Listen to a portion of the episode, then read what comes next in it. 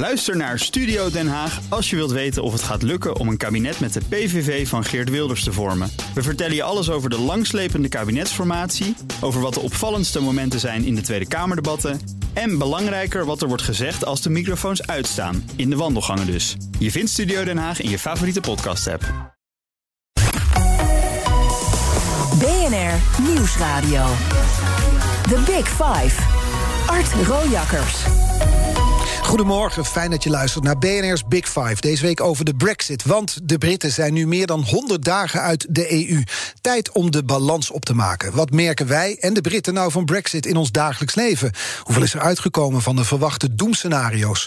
We bespreken hoe het met de ondernemers gaat die exporteren naar het Verenigd Koninkrijk, die te maken krijgen met stapels papierwerk en hoge kosten. En dan zijn nog niet eens alle douaneregels ingevoerd. Wat staat ons nog te wachten?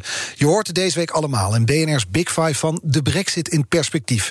Met vandaag een man te gast die we allemaal zo ongelooflijk veel hebben gezien en gehoord.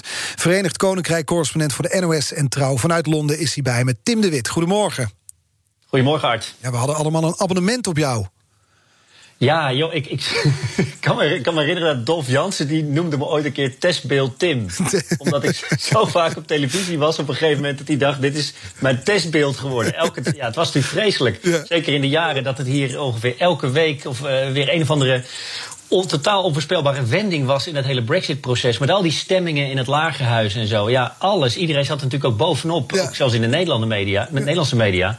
En dus uh, moest ik elke avond weer opdraven in de journaals. Ja. Dat is gelukkig allemaal ietsje rustiger. Het is iets rustiger testbeeld, Tim. We gaan met drie stellingen beginnen we altijd in dit programma... waar je met ja of nee mag antwoorden. De eerste is, over een paar jaar wil het Verenigd Koninkrijk... weer bij de Europese Unie.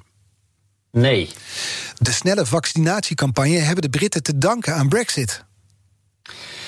Oeh, dat is een moeilijke. Um, ik zeg toch ja. Oké, okay. en Brexit is oud nieuws?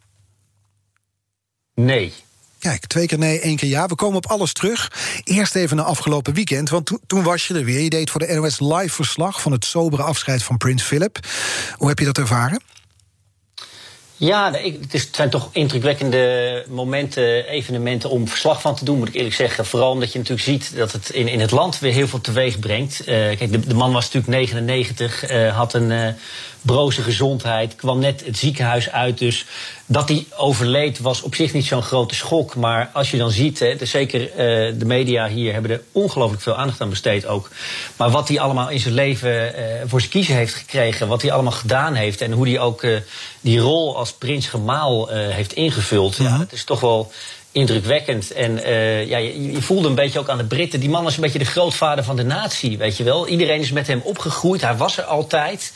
Uh, het, het, idee dat hij er ineens niet meer is, ook al was het dus niet zo'n schok, was toch echt wel iets wat voor heel veel Britten een soort verdriet uh, veroorzaakt. En een, beetje een treurige dag in die zin. En ja, hoewel ik uh, vanuit Nederland ook wel veel reacties kreeg van, uh, want ik weet niet of je zelf die uitvaartdiensten gezien hebt, maar ja. het was inderdaad een beetje sober. Het was ook een beetje afstandelijk misschien, hè, want er waren weinig, weinig persoonlijke anekdotes of, of familieleden die iets zeiden. Dat zijn we natuurlijk in Nederland heel erg gewend.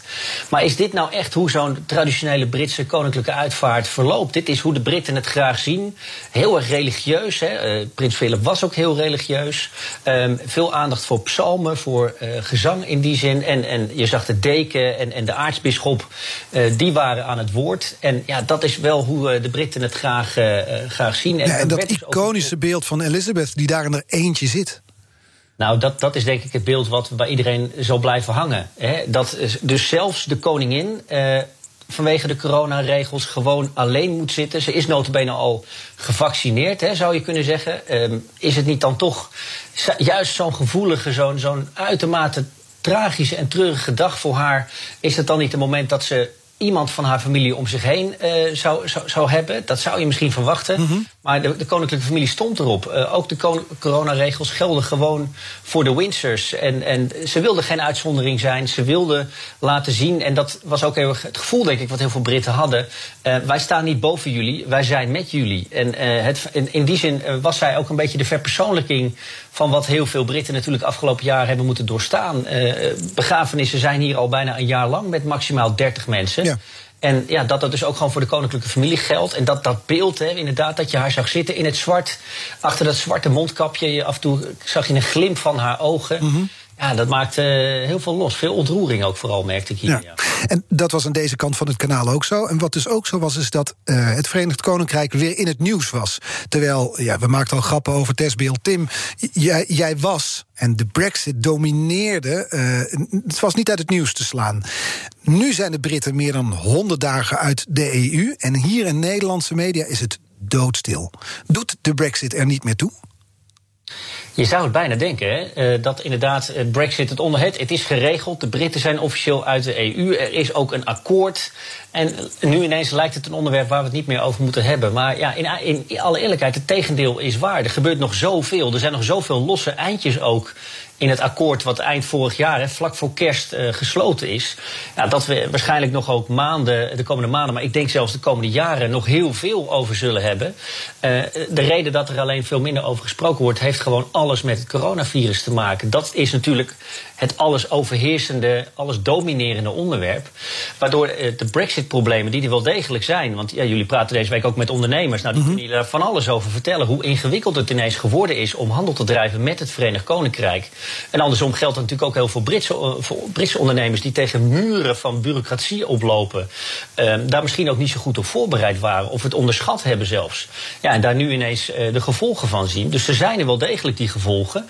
Um, maar we hebben het er gewoon veel minder over. En de gevolgen zijn dus ook weer niet dusdanig groot dat het het groot, uh, het openbare leven zeg maar, echt, uh, echt raakt. Dat, dat, dat heel veel Britten op straat er heel veel last hebben. Het zit hem vooral heel erg tot nu toe bij, uh, letterlijk bij bedrijven die van de export en import afhankelijk zijn. Mm -hmm. Maar reken er maar op dat, zeker als die problemen niet weggaan, maar alleen maar groter worden, en dat is toch wel een beetje de verwachting, ja, dat het over een tijdje echt wel weer een heel erg dominerend onderwerp gaat worden. Ja, maar tot nu toe in het dagelijks leven voor jou, voor de Britten, is er niet veel van te merken. Als je bijvoorbeeld kijkt naar, want dat is dan de berichten die je leest, dat bijvoorbeeld er zou meer, meer hogere kosten komen, meer papierwerk. Zijn bijvoorbeeld producten in de schappen al duurder geworden? Ja, je merkt het geloof ik een klein beetje, uh, maar nog niet echt structureel. Uh, als ik het nu uh, de, eerste honderd dagen een beetje op mijn rij zet. Maar het is een onontkomelijk gegeven. Dat, um, bijvoorbeeld de Britten zijn heel erg, als je in de supermarkten kijkt, dan zie je hoe afhankelijk ze zijn van voedselproducten uit EU-landen. Of het nou de tomaten zijn, de komkommers, heel veel groenten. Ik bedoel, als je hier gewoon door de supermarkt loopt, dan zie je al die verschillende buitenlandse vlaggetjes op al die producten voorbij komen. Ook heel veel uit Nederland trouwens. En ja, dat gaat op een gegeven moment gaat zich dat natuurlijk toch wel wreken. Um, het zijn alleen nog niet dusdanige kostenstijgingen dat, dat je daar stijl van achterover slaat. Maar dat is hoe dan ook natuurlijk de consequentie van meer handelsbarrières. Het moeilijker maken om te importeren, producten die uit de EU komen. Ja, dan weet je dat het op een gegeven moment zich vertaalt in, in hogere kosten. Maar ja, zoals gezegd, kijk. Uh, stel je vraagt het nu aan een Brit van wat merk je van de brexit... dan zal die waarschijnlijk zeggen... ja, uh, het is voor mij ineens lastiger geworden om bijvoorbeeld via webshops... in de Europese Unie dingen te bestellen. Ja. Dat duurt ineens veel langer, omdat dat dus ook allemaal met veel met papierwerk gepaard gaat. Uh, je hoort ook wel dat sommige webshops in de Europese Unie zoiets hebben van: het is mij te ingewikkeld uh, om nog te exporteren naar het Verenigd Koninkrijk. Want ik, moet, ik krijg met verschillende BTW-regimes te maken. Ik moet inderdaad voor elk product vreselijk veel uh, papierwerk zelf doen. Nou, die tijd moet ik ook allemaal terugzien in, in, in de prijs eventueel. Dus ik moet een hogere prijs gaan rekenen voor die Britse consument. Dus dat voel je hier als, als, als Brit wel. Maar dat zijn natuurlijk toch, hè, in, in, in het geheel der dingen, is dat nou niet iets wat, wat het leven nou vreselijk veel aantast of vreselijk veel invloed heeft. Nee, en door corona maar, is er een enorme afleiding. En is de, de focus op Brexit of de negatieve gevolgen is wat, ja, wat verdwenen, zou je kunnen zeggen. Ja, ik denk dat dat absoluut de reden is. Want inderdaad, zonder corona weet ik zeker, want eh, zeker met alle aandacht die we voor Brexit natuurlijk hebben gehad de afgelopen jaren, was dat een onderwerp waar natuurlijk nu veel meer aandacht voor zou zijn. En in die zin heeft de media natuurlijk ook een hele belangrijke rol daarin. En vergeet ook niet, en dat is ook echt wel een, in die zin een factor. Um, veel kranten, denk vooral aan de tabloids, hè, de Sun, de Daily Mail, we kennen ze allemaal die zijn natuurlijk heel erg pro-Brexit. Dus die hebben er ook geen enkel belang bij om eens even diep te gaan graven in uh, hoe zwaar en hoe, hoe groot de consequenties eigenlijk zijn van Brexit. Die richten zich veel liever, en dat zie je natuurlijk ook de afgelopen weken en maanden, op het vaccinatiesucces van Groot-Brittannië. Moet je nou toch eens kijken wat we voor elkaar hebben gekregen. En moet je kijken hoe traag het toch allemaal, ga, allemaal gaat dan, uh, aan de andere kant van het kanaal in de Europese Unie. Mm -hmm. Dit is zeg maar het bewijs dat we eigenlijk veel beter af zijn uh, buiten de Europese Unie. En dat is toch wel een narratief wat bij bij veel Britten, zeker Britten die voor Brexit hebben gestemd, aankomt. Dat merk je wel. Ook al is dat een veel genuanceerder verhaal. En is dat helemaal niet. Hè, dat was ook, ook bij die stelling die je aan, eh, aan mij stelde. Daar kun je eigenlijk heel moeilijk ja of nee op Mhm. zeggen. Of dat vaccinatiesucces nou Ja, helemaal. dat twijfelde je inderdaad. ja, maar het is wel iets wat natuurlijk bij de Britten eh, eh, aankomt. Het gevoel van, kijk, wij zijn weer los van die Europese Unie. We maken onze eigen beslissingen. En het eerste grote, eh, de eerste grote crisis waar we tegenaan lopen... kunnen we onze eigen keuzes maken. En moet je eens kijken hoe zich dat eh, uitbetaalt. Dus dat is wel een beetje eh, zeker die, die pro-Brexit pers. En, en onderschat niet hoe groot die invloed is op, op heel veel Britten. Ja, die, die stralen die boodschap natuurlijk met alle liefde uit. Ja. En daar hebben ze natuurlijk ook wel enigszins gelijk in. Nou, oké, ja, dus als we daar even op inzoomen. Hè, wat, dat verhaal van die vaccins is, is natuurlijk toch iets wat, wat ons allemaal nu enorm bezighoudt. En zeker omdat het in Groot-Brittannië zo snel gaat, zou je kunnen zeggen. hè, Of, of zie je ook daadwerkelijk meteen natuurlijk de effecten daarvan. Hoe makkelijk het hier in één keer gaat. Hè, want hier zijn ineens de terrassen open, de winkels open. eh, 40 miljoen vaccins zijn hier al gezet. Ongekende aantallen. Maar ja, kijk, ehm, het moment dat die beslissingen werden genomen over die vaccins, dat was vorig jaar. Toen maakten de Britten nog steeds onderdeel uit van de Europese interne markt. Hè. Ze waren politiek gezien wel uit de Europese Unie, maar vielen nog eigenlijk onder heel veel EU-regels. Zo ook over de regels eh, als het gaat om eh, noodprocedures. Om in dit geval zelf eh vaccin eh, eh, supplies, eh, voorraden aan Ja. te leggen of keuzes te maken of vaccins zo goed te keuren. Dat kon gewoon binnen de EU-regels. Dus wat de Britten hebben gedaan vorig jaar was. eh, Prima mogelijk voor elke EU-lidstaat. Ja, maar wij deden het niet alleen- omdat we solidair waren aan, aan, aan, ja, aan elkaar. Exact. En dat Ja. is denk ik waarom Brexit dus wel degelijk een belangrijke rol heeft gespeeld. Want het was natuurlijk voor de Britten veel moeilijker geweest. als ze echt nog volwaardig lid waren geweest van de Europese Unie. om dan dus tegen die andere 27 in te gaan. en op eigen houtje alles maar te gaan Ja. regelen. Terwijl door Brexit voelden ze die vrijheid en die mogelijkheid veel meer. Mhm. En ja, je zag het toch ook wel een beetje in de reacties. Ik kan me herinneren dat de Duitse minister van Volksgezondheid snauwde een beetje naar de Britten toen ze dat deden. Hè, eind vorig jaar al van. eh, ehm, eh, zeker, hè, want in december keurden de Ze Britten. pakken onze vaccins af, Tim. Nou ja, dat is natuurlijk ook het Jullie, sentiment want jij bent ook al gevaccineerd, zeker? Ja, ik, ben, ik, ja, ik heb inmiddels ook al mijn eerste vaccin gehad. Precies, Ja, ik dus dit 40, onderwerp sluiten we af. Ik ben te jaloers. The Big Five. Art Rojakkers. Deze week vijf kopstukken die perspectief bieden op de Brexit. Nu zo'n 100 dagen geleden. Eerder sprak ik met eh, Brexit-hoogleraar Bart Los. Met Rem Korteweg van Klingendaal. En vandaag de gast vanuit Londen. Verenigd Koninkrijk-correspondent voor de NOS en Trouw, Tim de Wit. Tim, ja, volgens mij is het Verenigd Koninkrijk diep verdeeld. Dat verhaal heb jij verschillende keren verteld. En ik neem het van je aan. De ene helft van het land is in rouwmodus. De andere helft van het land in jubelstemming. Dat was zo toen de Brexit een feit was. Dat is waarschijnlijk nog steeds zo, toch?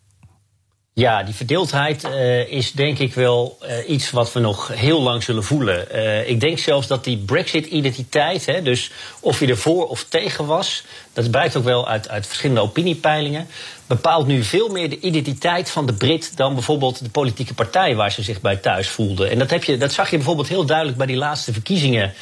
In 2019, hè, die, die Boris Johnson glansrijk won. Met een enorme meerderheid. Toen zag je dus dat heel veel kiezers die vroeger altijd op Labour stemden, de working class, hè, zoals de Britten het mooi noemen, ehm, die stemden ineens voor de conservatieven. Die stemden ineens voor de grote aardsvijand. Wat natuurlijk, hè, gezien de, als je kijkt naar de geschiedenis van dit land, dat, dat was iets ongekends. Maar dat had alles met Brexit te maken. Want heel veel van die working class kiezers stemden voor Brexit en voelden zich dus bij hun eigen partij, bij Labour. Dat heeft, het is een heel proces geweest natuurlijk van de afgelopen jaren, maar helemaal niet meer thuis. Dat was de partij namelijk die eh, voor een nieuw referendum campagne voerde. Die wilde eigenlijk gewoon weer terug bij, eh, terug, in ieder geval zorgen dat de Britten lid zouden blijven van de Europese Unie. En daaraan zie je dus dat die verdeeldheid heeft ook het hele politieke landschap op zijn kop gezet. Dat Boris Johnson is dus nu voor een groot deel afhankelijk van een achterban die nog nooit eerder in hun leven op zijn partij hebben gestemd. Dat maakt deze periode in die zin politiek ook zo razend interessant. Want ja, wil hij dus aan de macht blijven, dan zal hij dus ook iets moeten doen voor die nieuwe kiezers, voor die working class areas. Eh, dat is natuurlijk met name het midden en het noorden van Engeland.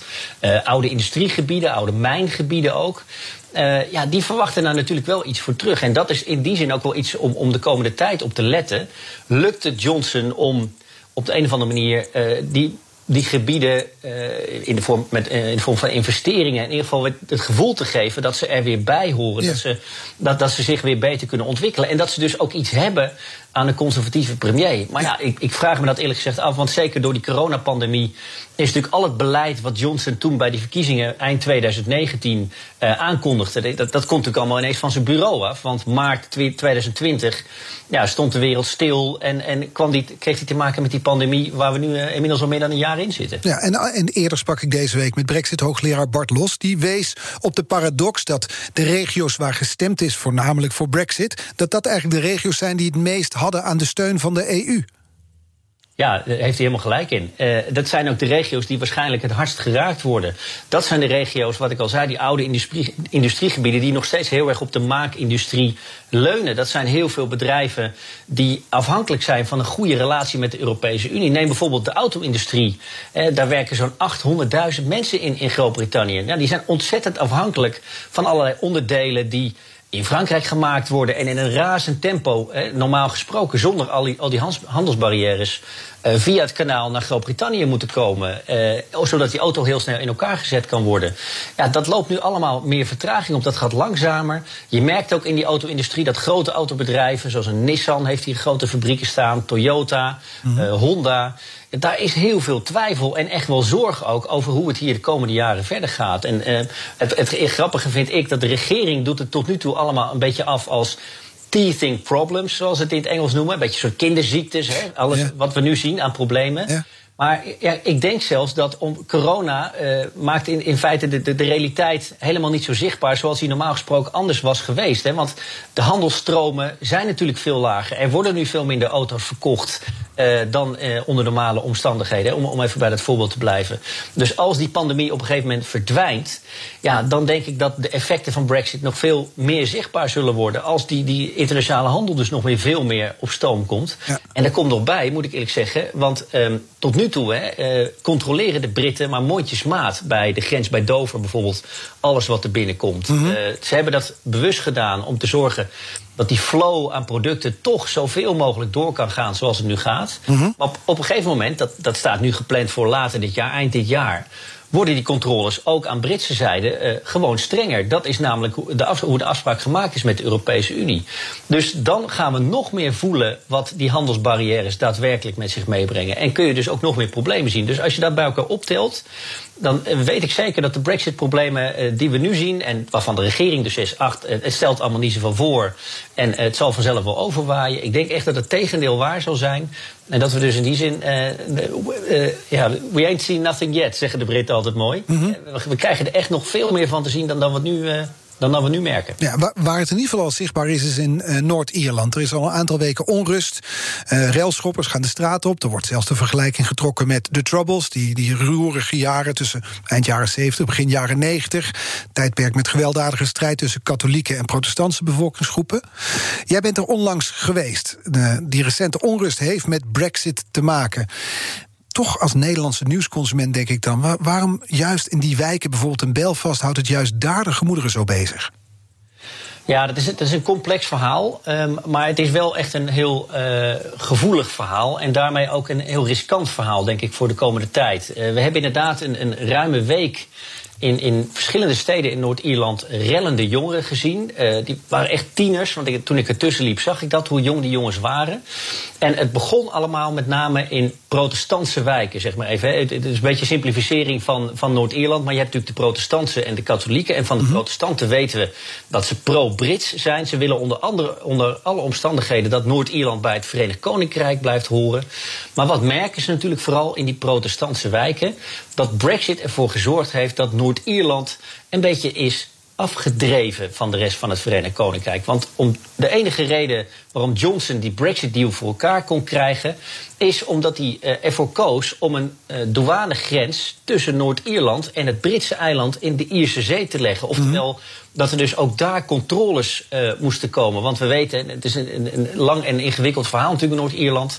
Maar je hebt die gevoelige landsgrens tussen Noord-Ierland en Ierland. Nou, in de, in de vredesakkoorden van de Goede Vrijdagakkoorden, het vredesakkoord uit eind jaren 90 is toen afgesproken, die blijft onder alle omstandigheden altijd open. Nou, daar is uh, in de Brexit-gesprekken natuurlijk eindeloos veel over gepraat. En de enige manier om dat voor elkaar te krijgen met de vorm van Brexit, die harde vorm van Brexit die Boris Johnson wilde, was dus om die controles dan maar te verplaatsen naar de ISSE. Um, en wat zie je dus nu in de praktijk? Ja, die controles zorgen voor vertragingen. In Noord-Ierland hebben ze dus ook veel meer last van Brexit in die zin dan op het Britse eiland. Uh, begin januari zag je daar zelfs lege schappen in de supermarkt. Ja.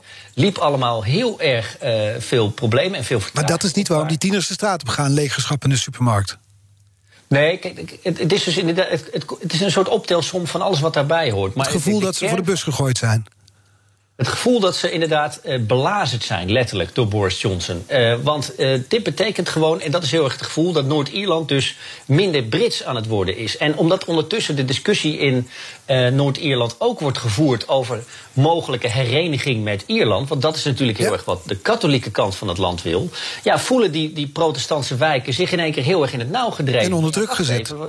wat gebeurt hier allemaal? Ja. En wat, en wat doet Boris Johnson? Hoe reageren ze dan vanuit Westminster daarop? Nou, ik vind eerlijk gezegd dat hij daar veel te weinig op gereageerd heeft. Het duurde zes dagen voordat hij een keer een tweetje de wereld instuurde waarin hij eh, het geweld veroordeelde. Maar ik, ik, dit is zo'n explosief uh, uh, verhaal. Als hij daar niet bovenop zit, ja, dan kan het echt escaleren op een gegeven moment. En je merkte, gek genoeg, die, die hele begrafenis van Prins Philip, de dood van Prins Philip, heeft ervoor gezorgd dat het een beetje tot bedaren is gekomen. En dat heeft ermee te maken dat die protestanten zijn ook hartstikke pro-koningshuis. Mm maar je voelt, omdat het ook, het had een beetje een georganiseerd karakter allemaal. Want die jongeren, uh, bedoel, uh, ik, ik, het lukte niet om met ze te praten. Ze willen absoluut niet met de media praten. Maar die zijn echt niet zo ideologisch gemotiveerd dat ze nou exact weten uh, hoe, dat hele, hoe de afspraken over Noord-Ierland in het Brexit-akkoord geregeld zijn. Mm -hmm. Je merkte daarin ook nog het georganiseerde element van paramilitaire bewegingen. Die kennen we nog heel erg uit die bloedige jaren natuurlijk van Noord-Ierland. Die zijn sindsdien nooit helemaal verdwenen, maar bestaan nog echt wel ondergronds. In wijken in Belfast, in Derry. Eh, waar ze ook nog de macht hebben om gewoon jongeren aan te sporen. Want je zag gewoon dat toen ik daarbij was, hoe volwassen mannen, die ook uh, in het zwart gekleed, hoe die aan jonge jongens uitlegden hoe je een molotov cocktail in elkaar zette. Dat, ja. dat zag je gewoon op straat gebeuren. Um, en dat is maar één voorbeeld. Maar je, en dat is ook iets wat de politie heel erg aangaf. Van jongens, kijk uit. Weet je, we hebben hier echt met gevaarlijke elementen te maken. Maar is er dan uitzicht op, een, op een oplossing van dat conflict? Ik denk dat het heel moeilijk wordt. Er wordt nu wel gepraat hè, tussen de Europese Unie en, en, uh, en Londen en Westminster om te kijken of ze iets aan die controles kunnen doen die er nu zijn. Hè, om het, het, zo vloeibaar, zo makkelijk mogelijk te maken. Mm -hmm. Maar dit is wel gewoon de kern van het verhaal. Ik bedoel, je, je moet ergens controles hebben als je uit de Europese Unie stapt. Hè, want de Europese Unie wil zijn interne markt beschermen. Nou, als dat niet op de landsgrens kan tussen Noord-Ierland en Ierland, ja, dan moet het in de Ierse Eigenlijk is het heel simpel. En Boris Johnson heeft altijd een beetje ook aan de Noord-Ieren gezegd: ach, die controles komen er niet, maak je nou maar geen zorgen, hè. wij zullen het regelen, het zal allemaal wel meevallen. En dan blijkt in de praktijk dat ze er dus wel zijn. Dus in die zin heeft Boris Johnson die Noord-Ieren ook een beetje voorgelogen. Nou, daaraan voel je gewoon dit is iets wat nog niet voorbij is. En ik verwacht eerlijk gezegd dat de komende maanden dat we weer vaker die onrust in Noord-Ierland gaan zien. En ik ben, ja, in die zin mag je blij zijn dat er tot nu toe nog geen doden zijn gevallen. Hè. Er zijn wel uh, politieagenten gewond geraakt. Maar stel dat je natuurlijk op een gegeven moment krijgt dat. Ja. Een, een, een, protestantse jongen komt te overlijden. Of, uh, hè, want ik zag ook al in Belfast dat die protestantse wijken uh, nu molotov cocktails begonnen te gooien naar katholieke wijken. Dat ligt allemaal redelijk dicht bij elkaar aan. Ja. Ja, er hoeft maar één keer iemand te overlijden en het kan echt exploderen. In, in, in een soort geweldspiraal die we heel lang niet hebben gezien. Nee. Um, maar dan er wel weer terug is. Dat is gewoon altijd het risico wat je in Noord-Ierland hebt. Ja, we praten zo verder, uh, Tim.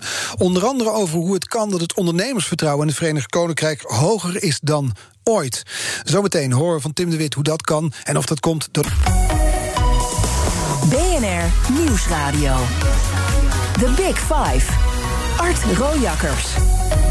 Welkom terug bij het tweede halfuur van BNR's Big Five. Deze week vijf deskundigen die praten over de perspectieven... nu de brexit zo'n 100 dagen een feit is. Uh, feit is. Later spreek ik nog met uh, Sjoerd van der Laan... topman van de Zwanenberg Food Group.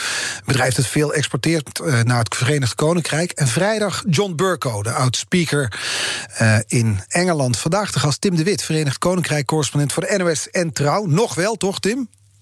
Nog wel, ja. Ik zit in mijn laatste maanden, Art. Eh, komende zomer, uh, ik denk juli, augustus ongeveer, zal ik er uh, een einde aan maken. Nou, tenminste niet aan mezelf, maar nou, wel mag ik hopen. Je bent net gevaccineerd, zou zonde zijn. Ja, precies. Ja. ja. We, we, hebben vrijdag dus contact met John Burko, de oude Speaker of the, the House. ik neem aan dat jij hem ook al hebt gesproken in die jaren. Ik heb hem toevallig één keer ontmoet, ja. ja kijk, zeker in de jaren dat uh, de, de, grote Brexit-jaren was. En dat is natuurlijk echt heel opmerkelijk. En die man is dus uitgegroeid tot een ster in Groot-Brittannië. Nou, niet alleen in Groot-Brittannië. Hier roept ook iedereen order naar elkaar, zoals hij dat kon. Nou ja, inderdaad. Ja, terwijl we hebben het gewoon maar over de Speaker of the House. Hè. Het is gewoon uh, de man die een beetje de debatten moet leiden. En, en zorgen dat iedereen zich aan zijn spreektijd houdt. Maar ja, er was natuurlijk zoveel focus en aandacht op dat Britse parlement. Ja, dat hij daar. En hij heeft natuurlijk ook wel. Ik bedoel, hij genoot wel van die aandacht hoor, kan ik je mhm. Vertellen. Het is ook in die zin wel iemand die, uh, die vies is van de schijnwerpers. Maar ja, kon op die manier dus uitgroeien. En hij is ook, ik bedoel, dat zou je wel merken in het interview met hem. Hij is uh, verbaal, is hij zo sterk en hij kan zo prachtig formuleren. ja, dat, dat merkte hij in het lagerhuis ook altijd. In die zin genoot hij wel een hoop aanzien. Tegelijkertijd was hij ook wel, en dat was een beetje natuurlijk de kritiek van het kamp van Boris Johnson en andere pro-Brexit parlementsleden. Gekleurd, ja. Hij, wist af en toe toch wel hier en daar zijn stempel te drukken op de debatten. En dat is natuurlijk het, het laatste wat je moet doen als, uh, als speaker. Hij zal het zelf ook altijd ontkennen, uiteraard. Mhm, mhm. Maar je kon toch af en toe wel merken waar zijn hart ligt. Nou, dat was zeker niet bij Brexit. Hij is altijd heel erg pro-EU geweest. Ja. Eh, over die EU en het Verenigd Koninkrijk. Het, mijn indruk is, jij weet het veel beter, dat de sfeer op dit moment om te snijden is. Klopt dat of niet? Mm, ja, ligt erbij. Kijk, ik merk eerlijk gezegd, als ik nu heel erg uh, actueel kijk naar hoe het hier gaat, dan merk je dat toch iedereen vooral bezig is met uh, corona en, en die pandemie achter ons laten. en dat vaccineren zorgt wel echt voor een boost.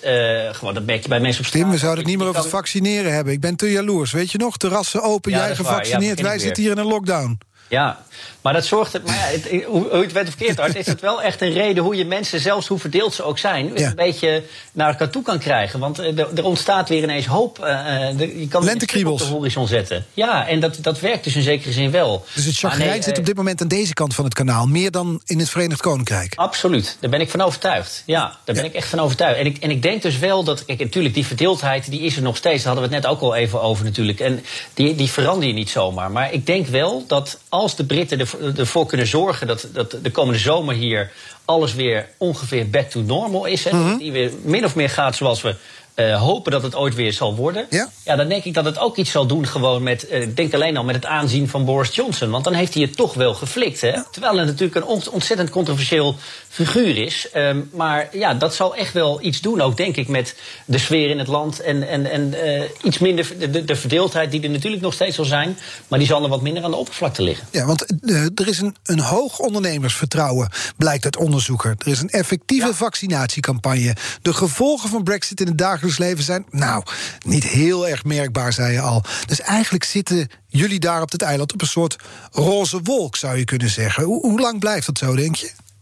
Ja, ik, ik, ik, vraag me wel af inderdaad of dat iets is voor de lange termijn. Kijk, dat hoge ondernemersvertrouwen, dat heeft echt alles te maken met het feit dat bedrijven dus ook weer vooruit durven kijken. Dat ze voelen van, hé, hey, uh, we kunnen weer gewoon onze onderneming of onze, ons personeel weer binnenlaten. Hè. We kunnen weer gewoon steeds meer gaan produceren. De economie gaat steeds meer open. Ja, daar heeft iedereen profiteert daar natuurlijk van. En, en dat zal in die zin denk ik uh, er mede toe bijdragen dat die ondernemers echt wel weer vertrouwen hebben in wat er de komende maanden en de rest van het jaar gaat gebeuren. Maar vergeet ook niet hoe diep het dal hier geweest is hè, vorig mhm. jaar. Want als je kijkt naar de recessie uh, die ze hier kenden, die was uh, het diepste van alle Europese landen. Dus echt een stuk dieper nog dan, dan bijvoorbeeld in Nederland. Dus ze komen ook wel van ver. Hè. Dus dat het vertrouwen nu weer een beetje aan het klimmen is, ja, uh, betekent nog niet dat het hier echt in één keer allemaal weer goed zal gaan. Maar het geeft in ieder geval wel aan van hè, als die boost. En zeker, uh, ik, ik, mag het woord niet meer in de mond nemen, maar als het vaccineren toch weer een beetje sneller gaat. Uh, en, of in ieder geval op het tempo blijft zoals het nu gaat. Ja, dan zullen we hier wellicht, dat is een beetje de hoop, op 21 juni. Dat is een dag die iedereen hier met, met, met een gouden stift in zijn agenda heeft omcirkeld. Dat is de dag, hoopt iedereen dat echt alles weer gewoon normaal is. Dat de voetbalstadions weer vol zijn, dat je weer naar concerten kan, naar het theater. Ja, dat is al over uh, twee maanden, joh. Ja, dus, Tim, ja. Over twee maanden. ja, ja dat duurt hier nog veel langer. Ik word nog jaloerser. Ja, maar dat is natuurlijk precies waarom, waarom dat vertrouwen en het optimisme hier uh, wel een stuk groter is. Maar ja, tegelijkertijd merk je ook wel bij de regering. Uh, ze hebben echt nog wel de, de, voet op het rempedaal ook een beetje hoor. Nog niet om het in te trappen, maar wel omdat er nog echt wel zorgen zijn natuurlijk over. Want we weten het natuurlijk ook nog steeds niet, hè, wat er gebeurt de komende maanden. Heel even over jou persoonlijk, Tim. Want 21 juni is dus die, 21 juni is de dag die iedereen in zijn agenda heeft staan. Wanneer pak jij eigenlijk het vliegtuig naar Nederland? Toch niet op 20 uh, juni, hoop ik, hè? Nee, nee, nee, nee, nee, nee. Ik wil er nog wel even een beetje van kunnen profiteren. Ja, dat zou ik, dat zou ik ook doen. Als het hier op het eiland allemaal een stuk lekkerder is dan in de rest ja. uh, van Europa. Ja. Maar nee, ik heb nog niet een exacte datum. Maar nee. ja, nee, het is wel uh, de bedoeling dat ik uh, komende zomer afzwaai als correspondent. Mm -hmm. dat, bij de NOS is dat normaal dat we natuurlijk na een aantal jaren weer een, een nieuw en fris gezicht op een correspondentenpost neerzetten. dus ja, nee, dat, dat zal echt wel even een moment zijn. dat zal heel gek voelen. Want ik merk nu al dat ik, nu je weet dat je in je laatste maanden zit. Uh, ja, dat merk je toch wel een beetje dat, dat gemengde gevoel van: oh jee, zou dit de laatste keer zijn dat ik dit doe of dat doe? Of, uh, en het is natuurlijk zo'n intense periode geweest ja. uh, voor mij. ja, dat het echt wel even afkicken zou worden, ja. Ja, want jij bent volgens mij de correspondent met de meeste super grand slams op zijn naam. Zo heet het volgens mij toch, een NOS-term. Dat, dat betekent dat je ja, alle uitzendingen op een dag haalt. Ja, klopt. Ja, dat, dat noemen wij dat onderling als correspondenten uh, grap, grappende wijs altijd een beetje. Dat betekent inderdaad dat je dus van ochtends vroeg... want je moet als correspondent bij de NOS zowel de radio als televisie doen hè, op normale dagen. Dus dat je ochtends vroeg op, uh, op Radio 1 begint... en uh, dan alle televisieuitzendingen die dus, dus het, het 6 uur journaal, 8 uur journaal, nieuwsuur... en dan sluit je de dag ook nog eens af met, met het oog op morgen, zeg maar, aan het einde helemaal. Ja, dan, dat, dat soort dagen heb ik echt vreselijk veel gehad ja. de afgelopen jaren.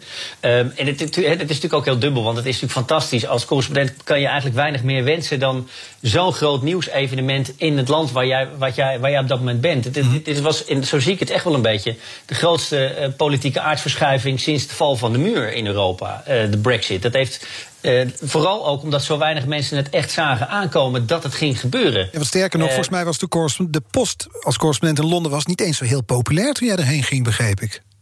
Nee, nou ja, dat, dat, is inderdaad waar. Ja, ik was toen uh, 33. Ik, ik, zat in Berlijn op dat moment, was ik, uh, was ik radiocorrespondent voor de NOS. En uh, er waren helemaal niet zoveel kandidaten die zich daarvoor melden. Nee. en ik denk ook in die zin dat het gevoel wel een beetje was... Ja, Groot-Brittannië, het is een leuk land, maar kunnen we, kunnen we echt wel leuke verhalen over vertellen. Maar het heeft niet de status meer van correspondentschap in Washington of in Brussel. Of, ja ja, little did we know. Ja, precies. Het is echt wel even, uh, even totaal anders geworden, ja. En ik wist dat zelf natuurlijk ook echt niet. Hè. We wisten toen, als je teruggaat naar die periode, in 2014... had je hier nog een coalitieregering, mm -hmm. David Cameron... en die, die regeerde samen met de Liberal Democrats. Nou, dat was al iets, iets raars voor de Britten. Een coalitieregering kenden ze hier helemaal niet. En toen kwam Cameron met die belofte in de aanloop naar die verkiezingen van 2015... zei hij, als ik een absolute meerderheid haal, dan krijgen jullie een referendum over ja. het lidmaatschap van de Europese Unie. En toen geen enkele opiniepeiler, dus in die zin ben ik ook heel wantrouwig naar peilers geworden, die zei toen: ah, Cameron gaat die absolute meerderheid halen. Dat ging niet gebeuren. Dus er zou weer zo'n coalitieregering komen, was de verwachting. En dan had hij dat referendum in die uh, onderhandelingen over die coalitie er nooit doorheen gekregen. En daar was er waarschijnlijk nooit meer over gepraat. Dat was heel duidelijk zijn strategie. Ja, en vervolgens uh, haalde hij wel die absolute meerderheid. Moest hij dus die belofte waarmaken. Ja, en inmiddels uh, de rest is geschiedenis, kunnen we zeggen. We kwamen in een soort ja, achtbaan, is, uh, is inderdaad het woord wat ik er veel van gebruik. Ja, maar dat was het wel. Een soort, een soort wasstraat waar ik doorheen werd getrokken. En het was echt ongelooflijk heftig. Maar ja. ja. tegelijkertijd fascinerend natuurlijk om met je neus bovenop te zitten. Ja, waar was je eigenlijk toen het duidelijk werd dat het toch echt een brexit was? Nou ja, we hadden toen, uh, dat was 23 juni 2016. Dat zijn we die dagen die je natuurlijk de rest van je leven in je geheugen prent. Mm -hmm. uh, we waren in een hotel, want we hadden toen met, op het dak van een hotel hadden we een, een live positie uh, ingericht voor de NOS, voor de uitzendingen toen. En ja, ik was na afloop van de stemmingsdag was er een peiling gehouden, een beetje vergelijkbaar met een exit poll, ehm, die toen aangaf dat het 52% om 48% zou worden voor in de EU blijven. Nou, toen stond ik daar met mijn cameraman. Toen zei ik, nou weet je, dit zal, dit, dit zal wel goed komen. Dus wij gingen een biertje drinken nog rustig. En uh, ja. een beetje grappende wijs van... ah joh, nou, morgen nog een paar journaaltjes en dan zijn we er vanaf. Precies. Nou, en ik ging, toen, ik ging toen naar mijn hotelkamer. Ik dacht, ik ga toch even kijken, die eerste uitslagen... als ze binnendruppelen, hoe het eruit gaat zien... en wat voor beeld we krijgen. Nou, en toen bleek dus inderdaad al heel gauw dat het totaal de andere, andere kant op aan het schuiven was. Ja. Dat dus ook steden waarvan iedereen dacht: oh, nou ja, die zullen toch wel eh, voor eh, het EU-lidmaatschap stemmen. Nou, helemaal niet. Een heel ander beeld gaven. Dus toen bleek ook daar weer dat dus die, die pijlers hebben zo onderschat. Want dat is een van die, een van die dingen die ik eh, echt heel opmerkelijk vond. Dat er een, een paar miljoen mensen die nooit eerder hadden gestemd, waren wel gaan stemmen bij dat referendum. En allemaal voor Brexit. Mhm. Zo diep Dus zat het sentiment. Ja, en het was echt een soort uiting van we zijn het zat, zeg maar. Ik denk ook dat, in, in- ik bedoel, eh, in die zin is, staat de Brexit-stem natuurlijk ook voor veel meer dan alleen het lidmaatschap van de Europese Unie. Het was ook een stem van ik wil weer gehoord worden. De politiek Mhm. heeft ons totaal laten zitten de afgelopen decennia. Dit was het moment dat we konden afrekenen met de politieke elite. Dat was heel erg een, een breed gedragen Ja. Gevoel in heel veel delen van het land. En dat is totaal onderschat door alles en iedereen op dat moment. Dat wordt afkicken voor jou, zat ik wel te denken. Wat je ook gaat doen hierna. Ja, nee, ik, ik weet het nog niet precies, eh Art, moet ik eerlijk bekennen. Ik, ik ga een boek schrijven, ben ik al wel... eh, Ik denk zelfs als. Formule 1-coureur heb je minder adrenaline te verwerken dan jij de afgelopen jaren in het Verenigd Koninkrijk. Nou ja, dan zeg je wat, ja. Eh, het, het is, het- die adrenaline is ook erg, erg verslavend, toch? Ja. Eerlijk zeggen. Want Er komt een boek. Iets waar je, ja, maar dat is dus wel mijn manier. Want ja, ik, ik bedoel, ik heb zoveel meegemaakt eh, in de afgelopen jaar. Dat leek me toch wel leuk om het, om het op te schrijven. Mhm. En ook eh, een beetje te filosoferen over hoe het verder gaat met dit land. En wat we nu in dit gesprek natuurlijk ook al een beetje doen. Mhm. Ehm, want dat, vind, dat blijft natuurlijk toch de grote vraag. Hè. Zullen we over tien jaar Groot-Brittannië zien dat, eh, het, waar het uiteindelijk best goed mee gaat, hè, buiten de Europese Unie. Wat dus een, een, heel nieuw scala aan handelsakkoorden heeft weten te sluiten waar ze best van profiteren. Of zal het een land worden waar het juist helemaal niet goed mee gaat? Dat het alleen maar slechter is meegegaan sinds ze de Europese Unie eh, hebben verlaten. Dat is natuurlijk toch een heel interessant vraagstuk waar niemand ex- het exacte antwoord op dit moment op weet. Maar ja, dus ik vind het wel leuk om daar eens een beetje in, in, in boekvorm over te gaan filosoferen. Dus dat zal het eerste zijn wat ik ga doen.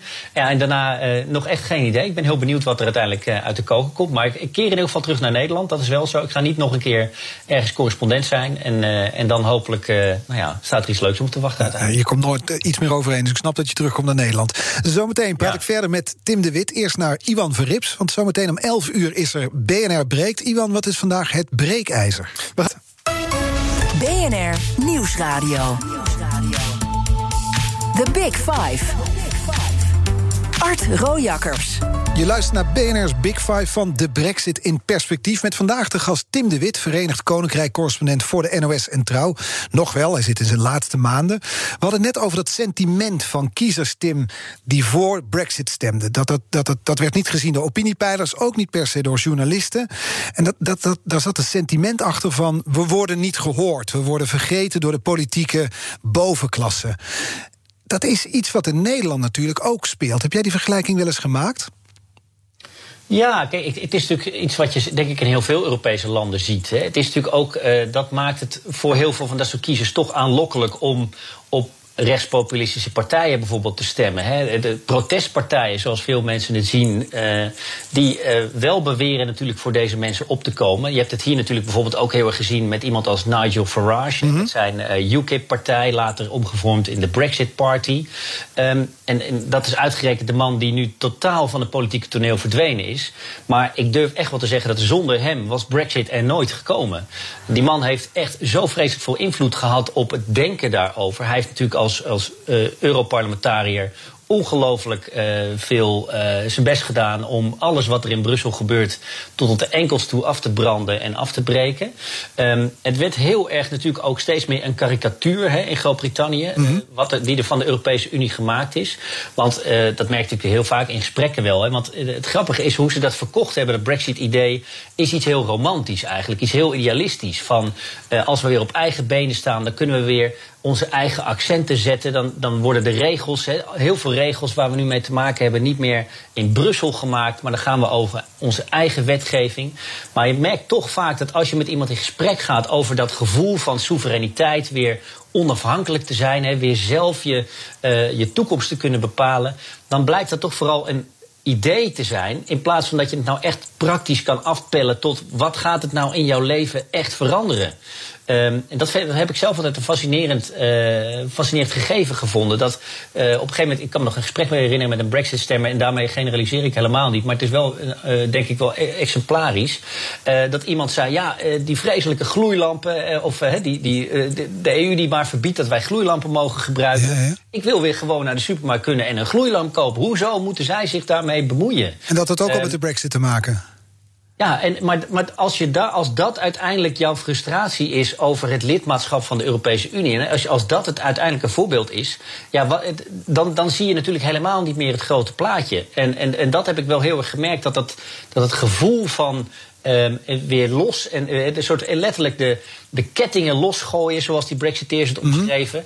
Ja, dat heeft heel veel mensen over de streep getrokken. En uh, tegelijkertijd zeg ik er ook bij, want ik kan me nog herinneren, de dagen na het referendum in 2016 kreeg ik vanuit Nederland heel veel vragen van: uh, hebben er niet heel veel mensen spijt van hun keuze? He, dat was heel erg het gevoel wat, wat bijna leefde. Mm de, of, en zullen ze straks niet meteen weer uh, met, met hangende pootjes terugkomen in Brussel om, om zich aan te sluiten? En dat was ook even je stelling aan het begin. Ja. Nou, dat is ook echt niet zo. Want dit is wel gewoon een gevoel waarvan mensen overtuigd zijn. Het gevoel dat mensen met, met, met, met zonder kennis of, of zonder enige gedachte voor Brexit hebben gestemd. Absoluut niet. Ze geloven echt in het soevereiniteitsideaal. Ze geloven echt weer in het uh, dat, dat Groot-Brittannië sterk genoeg is om op eigen benen te staan. En onderschatten wij aan deze kant van het kanaal dat sentiment? Want wij bekijken het hier toch ook vooral economisch. Ze leveren, ja. uh, leveren nou ja, inkomen in. Uh, het, het, het gaat, er zijn bedrijven die vertrekken uit Londen in de, de finance sector. Maar ja. dat sentiment weegt daar tegenop. Nou, dat, dat sentiment, in feite is dus ook de, de keuze voor Brexit is veel meer een emotionele keuze dan, dan een economische keuze. Uh, vroeger zei Bill Clinton ooit bij, zijn, bij, zijn, bij de verkiezingen in, in Amerika in de jaren 90: It's the economy stupid. Mm -hmm. nou, als we iets van Brexit geleerd hebben, is dat het dus niet om de economie gaat. En grappig genoeg zie je dat nu bijvoorbeeld ook weer in Schotland, hè, waar het over onafhankelijkheid gaat. Want ja. de Schotten voelen zich wel heel Europees, willen wel heel graag uh, loskomen van de rest van het Verenigd Koninkrijk, waar ze zich echt niet meer bij thuis uh, voelen. Maar het ene na het andere economische rapport laat zien dat Schotland economisch uh, helemaal niet zoveel voorstelt. En het ook heel zwaar zou krijgen als onafhankelijk land. Maar daar zie je dus weer dat de emotie, het gevoel, de identiteit. Ja. belangrijker is dan wat het nou daadwerkelijk voor je portemonnee betekent. Ja, en op 6 mei gaan de. Op 6 mei ja, gaan de Schotten naar de stembus, toch? En dat, dat wordt dit een thema, een onafhankelijk Schotland. Dat is het alles overheersende thema ja. bij die verkiezingen, ja. En, en, en het, het, ziet er dus ook naar uit dat de SNP, hè, dat is de onafhankelijkheidspartij, grote partij in Schotland, dat die misschien wel een absolute meerderheid gaat halen in het Schotse parlement. Ja, en als dat gebeurt, dan is die onafhankelijkheidsdiscussie weer helemaal terug. Ja. En zullen de Schotten zeggen: kijk, een meerderheid van de Schotten stemt voor een partij die wil dat Schotland onafhankelijk wordt. Dus wij willen weer een onafhankelijkheidsreferendum. Nou, dan moeten ze de strijd daarover aangaan met het parlement in Londen. Want Boris Johnson gaat er uiteindelijk over. Mm -hmm of dat referendum er komt. Maar ja, dat, dat zal natuurlijk voor heel veel politieke spanningen gaan zorgen ja. weer. En, en dat is in die zin ook wel uh, het, het, tragische van Brexit. Hè, dat is dat het op eigen benen staan. Hè, wat, wat Brexiteers natuurlijk altijd hebben uh, voorgesteld als het ideale scenario. Dat het er dus toe kan leiden. Dat, want we hebben Noord-Ierland nu besproken, waar allerlei gedoe is. Ja. En waar dus ook letterlijk de mogelijkheid is in de komende vijf tot tien jaar, hoor, dat zal allemaal niet snel gaan. Maar dat er ook in Noord-Ierland een referendum komt over aansluiting bij Ierland. En dat er dus ook die mogelijkheid is dat in Schotland weer een referendum komt. En dat je dus ineens alleen Engeland en, en Wales daar dan nog bij mm -hmm. overhoudt. He, dus dat intern het koninkrijk wankelt en afbrokkelt. Dat, is, dat zou wel eens een hele heftige consequentie van Brexit kunnen zijn. En dat is in die zin ook de belangrijkste taak voor Boris Johnson. Houdt hij het land bij elkaar? Nou ja, als je in Schotland bent joh, en je praat met mensen over Boris Johnson. Dat is de meest verschrikkelijke man uh, die ze zich kunnen voorstellen als premier. Uh, hij wordt echt gehaat daar. Dus het is ook taak dat Boris Johnson de hele verkiezingscampagne in Schotland zich vooral niet daar laat zien. Hij moet er wegblijven. Hij moet daar wegblijven, want dat, is alleen maar, dat zal alleen maar meer stemmen voor de SNP opleveren. Dus zo, zo erg en zo impopulair is hij daar. Ja, nou hadden we het in het begin over, dat, over het Koningshuis. Daar had je afgelopen weekend heb je verslag gedaan van de begrafenis van uh, prins Philip. Speelt dat nog een rol? Kan dat het land bij elkaar is, houden? Ja, het is, het, is, bedoeld, uh, het is wel iets wat inderdaad, eh, nou, misschien eigenlijk wel het enige concrete wat, wat het land echt natuurlijk bindt, is dat er in, in elk gebiedsdeel van het Verenigd Koninkrijk uh, een meerderheid van de mensen wel achter uh, de royals staat. Ja, dat echt wel heel veel heeft met de koninklijke familie. Maar die zijn zo apolitiek -hmm. dat ik niet verwacht dat zij ook maar überhaupt een rol zullen spelen. Ik bedoel, de koningin heeft toen bij het eerste onafhankelijkheidsreferendum van Schotland een hele ja, bijna geheimzinnig teken gegeven. vlak voordat ze naar de kerk ging. Dat uh, zei ze toen, en ze wist dat het werd opgepikt door journalisten. daar was mhm. iedereen van overtuigd. Dat ze zei: uh, You have to think carefully about what you do. Hè? Dus denk goed na voordat je een keuze maakt. Dat was dus de enige inmenging die ze volgens mij ooit heeft gedaan in het mm politiek proces. Uh, om duidelijk te maken: blijf alsjeblieft bij ons. Nou ja, uiteindelijk is het toen niet gebeurd. Maar ik kan me niet voorstellen dat veel verder dan dat zal het niet gaan. Dus uh, in die zin heeft de koninklijke familie inderdaad, het is een, een, een, iets verbindends. Het is iets waar heel veel Britten, waar je ook in Groot-Brittannië of in het Koninkrijk woont, uh, zich thuis bij voelen. Maar nee, ik denk niet dat ze, dat ze dit proces kunnen tegenhouden. Nee. Jij zei ook, uh, we ain't seen nothing yet. Dat was zo'n zo'n Britse uitspraak, dat ging over Brexit. Is dit wat je daarmee bedoelt? Wat er in, in Schotland gebeurt, wat er in Ierland gebeurt? Of speelt dat op meerdere vlakken? Nee, dit, dit, zijn natuurlijk hele concrete voorbeelden. Uh, echt, uh, en dingen die zonder Brexit gewoon niet waren gebeurd. Hè. Dan was die hele onafhankelijkheidsroep in Schotland veel minder sterk geweest. Dan was de spanning in Noord-Ierland veel minder geweest. Dat zijn echt wel hele heftige verhalen, denk ik, waar we de komende jaren nog veel over zullen horen. En verder is het ook wel economisch natuurlijk interessant. Hè. Ik bedoel, hoe gaat het hier uiteindelijk verder? en nogmaals, hè, waar we het ook al over hebben gehad, corona vertroebelt het beeld heel erg. Maar het zal op een gegeven moment toch echt weer heel duidelijk worden wat de impact zal zijn. En zullen, als we zien hoeveel vermogen er is al vanuit de financiële sector bijvoorbeeld is gegaan naar de Europese Unie. Als je ziet nu bedrijven, ik ben al bij een aantal bedrijven langs geweest, zijn relatief kleine bedrijven, maar die dan dus al een vestiging in de EU hebben geopend, in Nederland bijvoorbeeld, omdat dat de enige manier voor die bedrijven is om nog zaken te doen met hun EU-klanten. Ja, dat, ik bedoel, op het grote geheel is dat nou niet iets wat de Britse economie keihard raakt. Maar het is wel een proces wat in gang is gezet. Hè. Dat is ineens een optie geworden. Dat je dus niet meer vanuit je thuisland, vanuit het Verenigd Koninkrijk. Uh, zaken doet met, met, met de Europese Unie, waar heel veel van je, van je handel, van je markt uh, te halen is. Maar dat je dan dus moet besluiten om een vestiging te openen. En dus ook banen te verhuizen ja. naar de Europese Unie. Dat zijn toch hele uh, ja, vind ik hele opmerkelijke ontwikkelingen. Die natuurlijk in geen enkel campagnefoldertje voor de Brexit uh, terug te lezen waren. Maar dat is wel uh, de realiteit. En nogmaals, het is gewoon, ik denk dat het heel moeilijk is om nu te zeggen. Hè, als je het over een jaar bekijkt, wat de consequenties van Brexit zullen zijn. Maar de signalen, zeker ook economisch, zijn nou niet dat het hier echt gaat floreren. Ik denk dat het, als het komend jaar hier beter gaat dan in de rest van de Europese Unie, dan komt dat puur omdat de Britten met corona wat beter zijn omgegaan. Of in ieder geval wat sneller uit de pandemie zijn gekomen. Ja, 21 juni. Die, die datum ga ik zelfs onthouden, Tim. Ja, Begin van de zomer, ja. ja. Dat is wel eh, iets waar, we hier enorm naar uit zitten te ja, kijken. Ja, dat snap ik. Um, dank. Ja, er was zoveel te bespreken dit uur. Ik had eigenlijk nog willen bespreken waar, waar de Labour-partij is gebleven. Want dat waren toch degenen ja. die ook een rol hierin speelden. Maar onze uh, tijd is om. Uh, dus dat gaan we met andere gasten deze week zeker ook nog bespreken. Ik wil je bedanken, uh, Verenigd Koninkrijk-correspondent Tim de Wit. Tenminste, dat is hij nu nog, nog een paar maanden. En dan komt hij terug en gaat hij beginnen aan zijn boek over zijn tijd. Nou, dat wordt een dik boek volgens mij, want er is genoeg te beschrijven en te bespreken. Dankjewel, Tim de Wit. Uh, deze, deze aflevering van BNR's Big Five is uh, terug te luisteren. Net als de andere afleveringen. De podcast is te vinden in de BNR-app en op bnr.nl. Nu op deze zender Ivan Verripsen, BNR Breekt. Bij BNR ben je altijd als eerste op de hoogte van het laatste nieuws. Luister dagelijks live via internet. Bas van Werven. En heel langzaam komt de zon op rond dit tijdstip. Je krijgt inzicht in de dag die komt op BNR, het Binnenhof in Nederland en de rest van de wereld. De Ochtendspits. Voor de beste start van je werkdag. Blijf scherp en mis niets.